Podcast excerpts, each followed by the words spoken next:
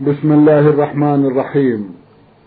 الحمد لله رب العالمين والصلاة والسلام على نبينا وسيدنا محمد وعلى آله وصحبه وسلم. مستمعي الكرام السلام عليكم ورحمة الله وبركاته. وأسعد الله أوقاتكم بكل خير. هذه حلقة جديدة مع رسائلكم في برنامج نور على الدرب. رسائلكم في هذه الحلقة نعرضها على سماحة الشيخ عبد العزيز ابن عبد الله بن باز المفتي العام للمملكة العربية السعودية ورئيس هيئة كبار العلماء.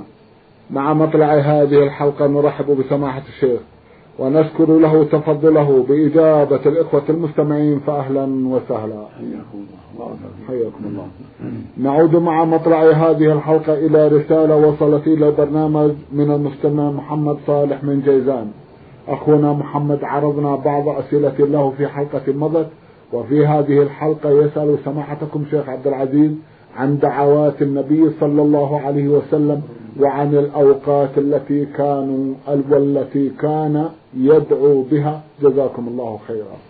بسم الله الرحمن الرحيم. الحمد لله وصلى الله وسلم على رسول الله وعلى آله وأصحابه ومن اهتدى بهداه. أما بعد فالنبي صلى الله عليه وسلم له دعوات كثيرة يدعو بها عليه الصلاة والسلام. ومن تأمل الأحاديث الواردة عنه عليه الصلاة والسلام عرف ذلك.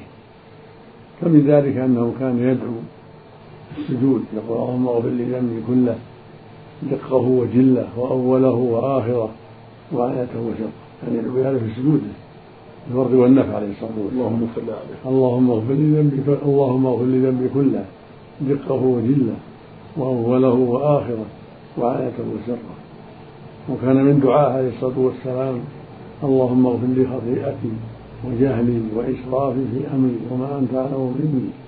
اللهم اغفر لي جدي وهزلي وخطئي وعمدي وكل ذلك عني اللهم اغفر لي ما قدمت وما أخرت وما أسررت وما أعلنت وما أنت أعلم مني. أنت المقدم وأنت المؤخر وأنت على كل شيء قدير. وكان من دعاء صلى الله عليه وسلم في آخر الصلاة قبل أن يسلم. اللهم اغفر لي ما قدمت وما أخرت وما أسررت وما أعلنت وما أسرفت وما أنت أعلم مني أنت المقدم وأنت المؤخر لا إله إلا أنت. ومن دعاء في آخر الصلاة قبل أن يسلم اللهم إني أعوذ من البخل وأعوذ بك من الجبن وأعوذ بك أن أرد إلى أرض العلوم وأعوذ بك من فتنة الدنيا وأعوذ بك من عذاب القبر. كل هذا من دعاء النبي صلى الله عليه وسلم. وكان إذا سلم من الصلاة الفريضة قال أستغفر الله أستغفر الله أستغفر الله. ثلاث مرات عليه الصلاة والسلام. وكان من دعائه عليه الصلاة والسلام اللهم إني أعوذ برضاك من سخطك وبعفوك من عقوبتك وأعوذ بك منك لا أحصي ثناء أنت كما أهلك نفسك وربما قال اللهم إني أعوذ برضاك من سخطك وبمعافاتك من عقوبتك وأعوذ بك منك لا أحصي ثناء أنت كما أثنيت على وله دعوات كثيرة اللهم صل عليه وعلم عائشة أن تقول اللهم إنك عفو تحب العفو فاعف عني. وعلم معاذ يقول في آخر الصلاة اللهم أعني على ذكرك وشكرك وحسن عبادك وعلم الصديق أن يقول في صلاته اللهم إني ظلمت نفسي ظلما كثيرا ولا يغفر الذنوب إلا أنت فاغفر لي مغفرة من عندك وارحمني إنك أنت الغفور الرحيم. جزاكم الله خيرا وأحسن إليكم. له سؤال طويل عن تدبر القرآن الكريم. بدأ سؤاله كالتالي. يقول الله تعالى أفلا يتدبرون القرآن أم على قلوب أقفالها ويقول سبحانه أفلا يتدبرون القرآن ولو كان من عند غير الله لوجدوا فيه اختلافا كثيرا. ثم يسأل ما هي صفة تدبر القرآن في الآيتين الكريمتين؟ وما معنى كلمة تدبر؟ هل هو تدبر الفهم الصحيح؟ وهل يتدبر وهل يترتب على التدبر مثوبة؟ وهل يحتفظ متدبر القرآن الكريم بحصيلة تدبره للقرآن للفائدة الشخصية دون نشرها؟ جزاكم الله خيرا. التدبر للقرآن مشروع كما بينه الله عز وجل وهو المقصود. المقصود من التلاوة التدبر والتعقل والفهم ثم العمل. قال عز وجل كتاب أنزلناه إليك مبارك ليدبروا آياته وليتذكر أولو الألباب. هو أنزل للتدبر. قال تعالى أفلا يتدبرون القرآن أم على قلوب أقفالها فالمشروع للمؤمن عند التلاوة وهكذا المؤمنة التدبر والتعقل والتفهم. فمعناه تفهم الآية. تدبرها أن يتعقلها. ما هو المراد؟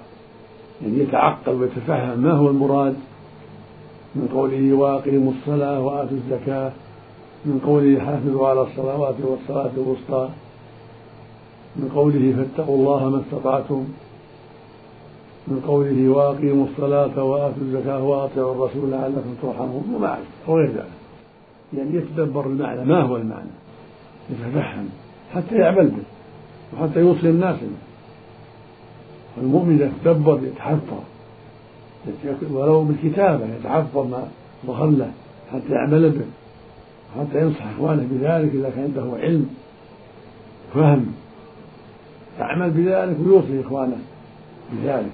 وأهل بيته. هكذا ينبغي المؤمن. أن تكون عنده عناية إذا قرأ القرآن يتعقل ويتدبر حتى يستفيد وحتى يعمل. جزاكم الله خيرا وأحسن إليكم. إذا من تدبر القرآن وخرج بمعاني لا يحتفظ بها لحياته الشخصية كما يقول هذا السائل بل ينشرها بين إخوانه. إذا تيسر له حفظها وهو متبصر فلينشرها أما إن كان عنده تردد أو جهل فليسأل عن أهل العلم ويعرضها على أهل العلم حتى يبصروه وحتى يفهم المراد وينفع غيره أيضا. أما إذا كان طالب علم يفهم فإنه ينصح إخوانه وأهل بيته بما فهم من كتاب الله وبما علم من القرآن حتى يكون من دعاة الهدى. جزاكم الله خيرا وأحسن إليكم. من القاهرة المستمع محمد برعي. يسأل سماحتكم عن الكيفية الصحيحة للوضوء. جزاكم الله خيرا. النبي صلى الله عليه وسلم وضح للأمة الوضوء. بفعله صلى الله عليه وسلم. تفسيرا لقوله تعالى يا أيها الذين آمنوا إذا قمتم إلى الصلاة فاغسلوا وجوهكم وأيديكم من المرافق وامسحوا برؤوسكم وأرجلكم من الكعبين فسره النبي صلى الله عليه وسلم فسرها بفعله للصحابة فكان عليه الصلاة والسلام إذا قام الوضوء غسل كفيه ثلاث مرات أولا وهذا مستحب. ثم يبدأ فيتمضمض ويستنشق ويغسل وجهه عموما من منابت الشعر الرأس إلى الذقن طولا وعرضا إلى فروع الأذنين.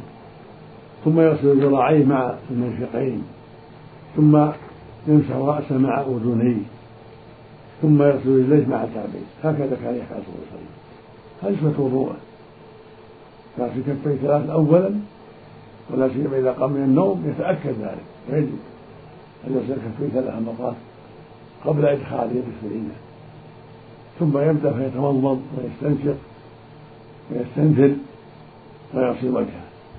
والواجب مرة. الواجب مرة. لأن الرسول توضأ مرة مرة. ثم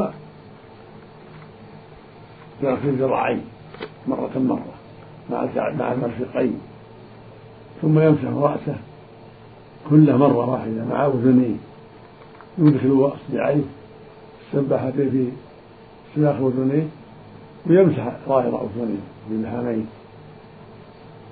ثم يغسل رجليه مع الكعبين. مرة واحدة الواجب. وتوضأ لهم مرتين مرتين. وتوضأ لهم ثلاثا ثلاثا. حتى يعلموا السنة. فالمرة الواحدة هذه فريضة. والمرتان سنة. والثلاث هي الكمال. أفضل ما يكون ثلاثا ثلاثا. وهو الغالب من فعله عليه الصلاة والسلام. إلا الرأس مسحة واحدة. لا يكرر ثلاثة الرأس يمسحه مرة. يبدأ بمقدمة. إلى قفاه ثم يرد يديه إلى المكان الذي بدأ منه هكذا كان يفعل عليه الصلاة والسلام. والواجب أن تكون المرفقان داخلين. في غسل اليدين. وهكذا الكعبان في الرجلين داخل.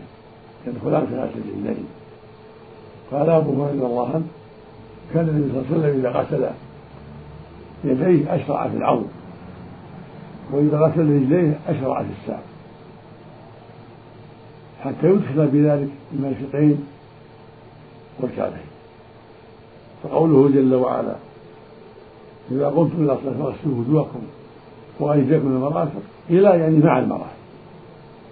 وقوله جل وعلا وامسحوا رؤوسكم وأرجلكم إلى الكعبين. معناه مع الكعبين. فالكعب مغسول والمرفق مغسول. هذه صفة وضوء عليه الصلاة والسلام. اللهم صل مرة مرة مرتين مرتين ثلاثا ثلاث. وربما غسل بعض الأعضاء مرتين وبعضها ثلاث. فالأمر واسع الحمد لله. الواجب مرة مرة. يتمضمض مرة يستنشق مرة ويغسل وجهه مرة يعمه بالغسل. ثم اليدين مرة مرة ثم يمسح رأسه مع يديه مرة. ثم يغسل إليه مع كعبين مرة. هذا هو الواجب. والأفضل أن يزيد فيكرر في غسل الوجه واليدين واليدين مرتين أو ثلاث والثلاث أكمل وأفضل. أما الرأس فإنه يكفيه مرة واحدة لا يكرر يمسحه مرة واحدة بيديه مع مع الأذنين. والأفضل يبدأ بمقدم ثم يمر يديه إلى قفاه ثم يعيدهما إلى مكان مع إدخال إصبعيه في أذنيه ومسح ظاهرهما ومسح ظاهرهما بإصبعيه نعم. جزاكم الله خيرا وأحسن إليكم المستمع محمد أحمد بن عبد الحكم من السودان بعث يسأل ويقول حدث ان خطب الإمام يوم الجمعة خطبة واحدة وهو رجل صلى بالنيابة عن الإمام لغياب الإمام وهو كبير السن. وبعد نهاية خطبته الأولى قال للناس قوموا للصلاة فالناس قاموا وصلوا. ثم اختلف بعد ذلك كثير من الناس هل الصلاة صحيحة أو لا؟ وأردنا من سماحتكم الإفادة. جزاكم الله خيرا. الصلاة غير صحيحة. فعليه أن يرجع ويخطب الخطبة الثانية ثم يعيد الصلاة. لا بد من خطبتين كما فعل النبي صلى الله عليه وسلم. وهما شرط لصحة الصلاة. هذا هو الأصح. فعلى هذا الرجل أن يعيد الصلاة وأصحابه. عليه من يعيد عليه وعلى أصحابه أن يعيدوا الصلاة. ظهرا. وفي المستقبل لا بد خطبتين قبل الصلاة. نعم. جزاكم الله خيرا. إذا يعيدون تلك الصلاة سمحت ظهرا. يعيدونها ظهرا. يعيدونها ظهرا. نعم. جزاكم الله خيرا. نعم. من الدمام رسالة وصلت إلى البرنامج من المستمع محمد. يقول أريد أن أحفظ القرآن الكريم فأرجو توجيهي إلى أي الطرق الأسهل وهل يلزمني أن أحفظ القرآن بالتجويد؟ كما نصحني بعض الإخوة أو أن التجويد لا يشترط لأمثالي جزاكم الله خيرا. حفظ القرآن مستحب والتجويد مستحب ليس بواجب. إن حفظته فهذا مستحب. أو حفظت ما تيسر من ذلك فهذا طيب. والتجويد كذلك. التجويد فيه خير كثير لإحسان لفظ القارئ لقراءة القرآن. حسن لفظه. ومن حديث الرسول زينوا القرآن بأصواتكم. والله يقول ورتل القرآن ترتيلا فالتجويد يحصل به تحسين الصوت وأداء الألفاظ على الوجه الأكمل. وإذا قرأ باللغة العربية أعطاه حقه ولو لم يعرف التجويد فلا حرج. لكن إذا عرف التجويد وتلا بالتجويد ولم يتكلف كان ذلك أفضل. جزاكم الله خيرا وأحسن إليكم. يسأل سماحتكم عن الصفة الشرعية للحجاب. هل لا بد من لبس معين أو أي ستر يستر المرأة ويستر جسمها يجزئ عن ذلك؟ جزاكم الله خيرا. نعم المقصود الستر إذا حصل الستر بخمار أو بغيره فهذا هو المقصود. تستر بدنها كله بأي طريقة؟ بالخمار على رأسها ووجهها بالعباءة على بدنها كله بإجلال تلبسه تعم به بدنها المقصود الستر هذا المقصود. نعم. جزاكم الله خيرا. المستمع سليمان ميم بعث يسأل ويقول تعرضت إلى كسر في ساقي ووضع عليه الجبس وعند الوضوء أمسح على الجبس فهل وضوئي صحيح؟ نعم. عليك أن تمسح على كالجبيرة مثل الجبيرة كالجبيرة حتى يزال إذا كان الجنس على القدم. أما إذا كان الساق فلا تمسح عليه. إذا كان الجنس بعضه على قدمين أو على أحد قدمين تمسح عليه عند الوضوء مثل لو كانت جبيرة من خلقة أو غيرها على قدم تمسح عليها حتى تزال جزاكم الله خيرا. لا يشترط كونه قد وضع الجبس وهو على طهارة سماحة لا يشترط هذا الصحيح الحمد لله. الجبيرة نعم. لا يشترط فيه الطهارة الطهارة في الخفين لابد يلبسهما على طهارة. بارك الله أما الجبيرة قد تقع له على غير طهارة. صحيح. يضطر إلى فعلها وعلى غير طهارة. صحيح. جزاكم الله خيرا وأحسن إليكم. أرجو أن توضحوا لنا البيوع المحرمة. البيوع المحرمة كثيرة. ضابطها أن تبيع غررا. في خطورة إذا كان غررا أو بيعا اختل فيه شرطه أو بيعا معدوم أو نحو ذلك هذا هو البيع الباطل. والبيوع الباطلة هي التي نهى عنها الشارع.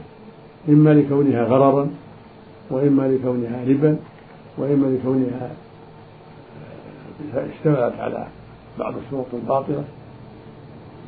فلا ليس هناك حد محدود لجمعها لكن ضابطها إذا اختل الشرط أو وجد ما يوجب البطلان من كونه يكون المبيع محرما كالربا أو خنزيرا أو خمرا أو ما أشبه ذلك. نعم. أو فيه غرر كأن يبيع على غير ضبط كأن يقول أبيعك كذا وكذا. وليس معلوما لهما المبيع أو أبيعك ولد الناقة لما بعد ولد أو أبيع الناقة الفلانية وبيع صفاتها. كل هذه غرض نعم. جزاكم الله خيرا وأحسن إليكم. من بل الأحمر رسالة بعث بها المستمع عيسى موسى جابر يقول هل يجوز أن تزوج ابنتك برجل غير متوفر فيه الشروط كاملة من الناحية الدينية؟ إذا كان مسلما وإن كان فيه بعض المعاصي. يجوز لكن التماس الطيب الطيب المستور أولى وأفضل للجميع. نعم. لكن لو كان الإنسان عنده بعض المعاصي فالنكاح صحيح. وإنما يحرم تزوج كافر من لا يصلي أو يسب الدين أو يهودي أو نصراني لا تزوجها مسلمة نكاح باطل. لهن حل لهم ولا هم يحل لهم. لابد يكون زوج المسلمة مسلم. ولا بد من زوجة المسلم أن تكون زوجة المسلم مسلمة أو كتابية. وهي اليهودية والنصرانية محصنة خاصة.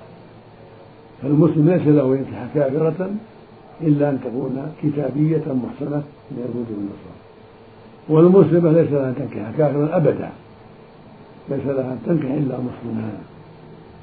فإذا كان الزوج مسلما ولكن عنده بعض المعاصي أو كانت الزوجة مسلمة وعندها بعض المعاصي فالنكاح صحيح ولكن التماس الزوج الطيب المستور والزوجة الطيبة ذات الدين هذا هو الذي نعم. جزاكم الله خيرا وأحسن إليكم. هل زوجة خالي أو زوجة عمي تعد من المحارم بالنسبة لي؟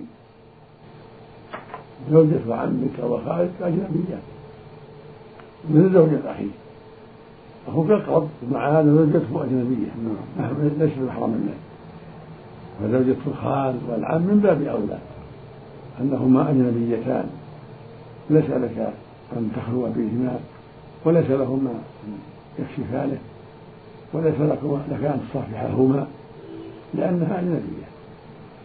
زوجة خالك زوجة أخيك زوجة عمك كلهن أجنبيات.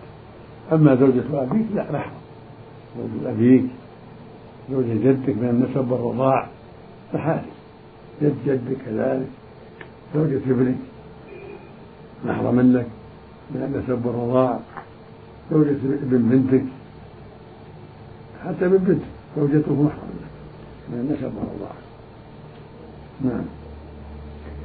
جزاكم الله خيرا وأحسن إليكم المستمع نعمان محمد من اليمن بعث يسأل ويقول هل ورد شيء في فضل ليلة النصف من شعبان؟ إذ أني قد سمعت حديثا عن رسول الله صلى الله عليه وسلم قال صوموا نهارها وقوموا ليلها. هل هذا الحديث صحيح؟ ليس بصحيح. كل أحاديث نصف شعبان يوم النصف لها ضعيفة غير صحيحه ولا يجوز تخصيص النصف شيء لا بقيام ولا بصيام. وإنما يصام ثلاثة أيام من كل شهر رابع عشر ثالث عشر ورابع عشر وخمس عشر. من شعبان وغيره مستحب.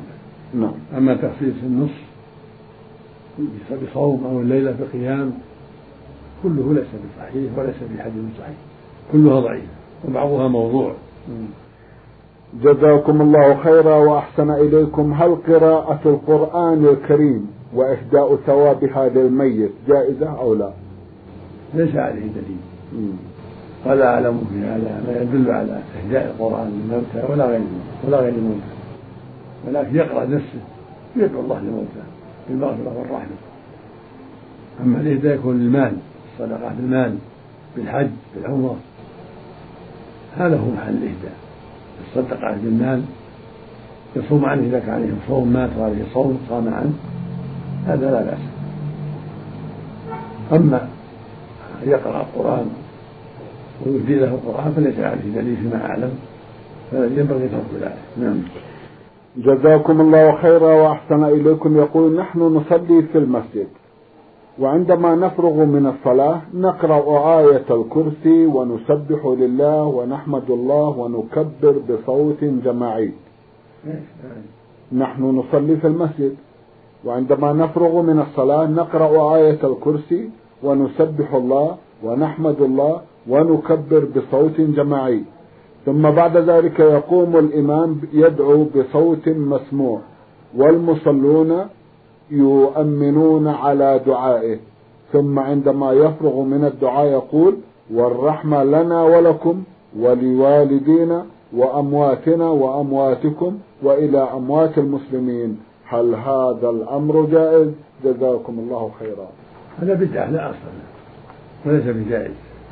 ولكن إذا يقرأ إنسان نفسه يقرأ الكرسي بينه وبين نفسه. نعم. بعد الصلاة بينه وبين نفسه. يسبح الله 33 يحمده 33 يكبره 33 بنفسه. من غير صوت جماعي. كل واحد نفسه.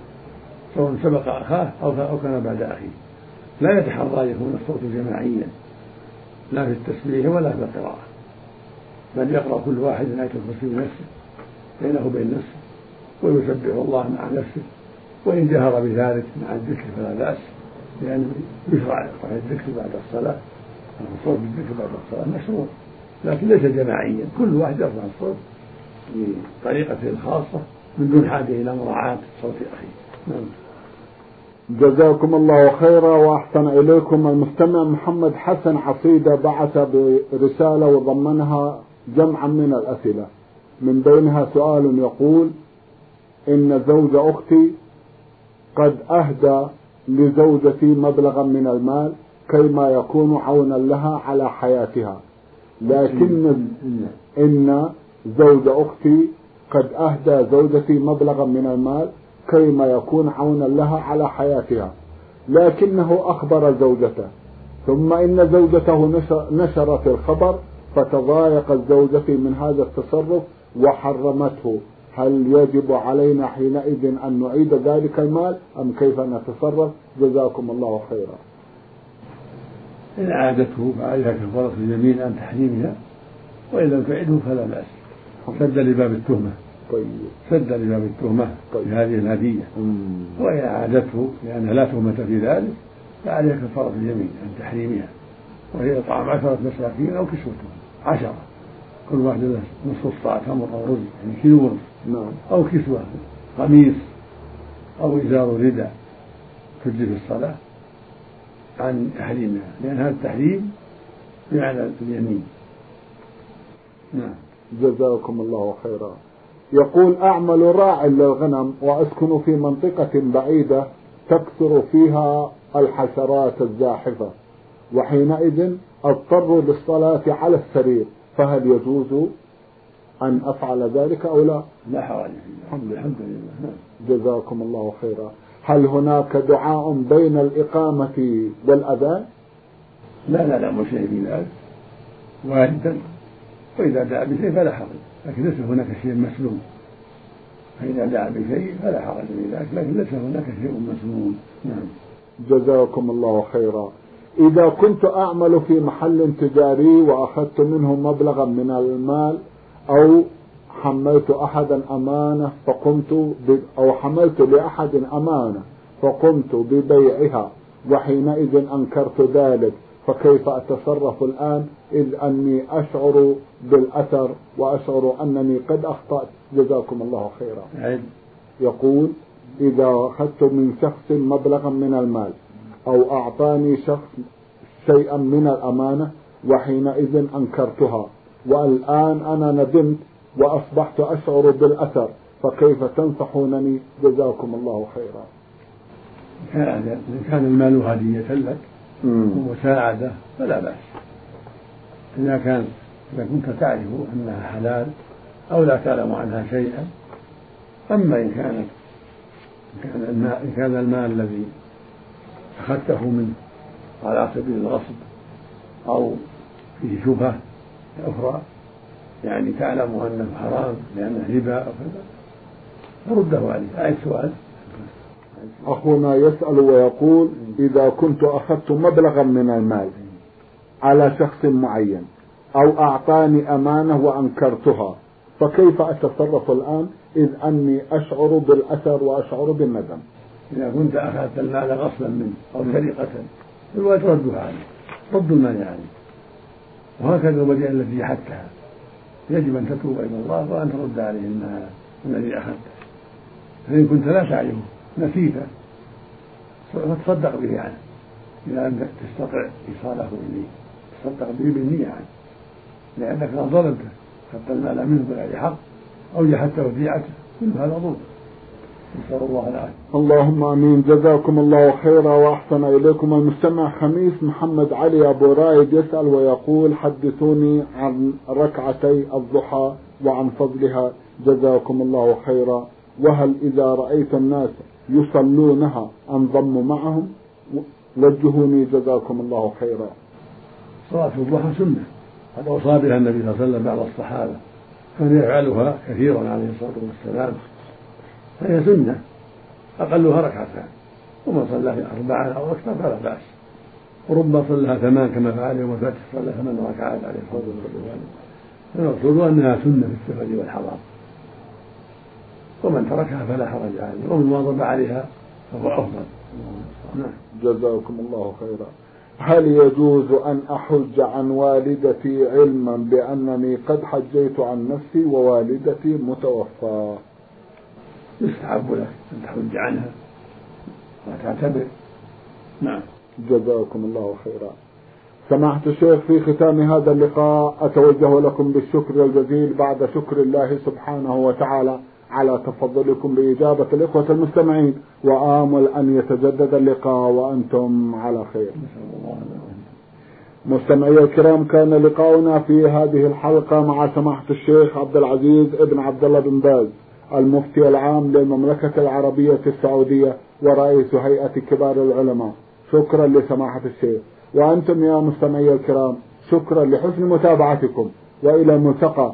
وسلام الله عليكم ورحمته وبركاته.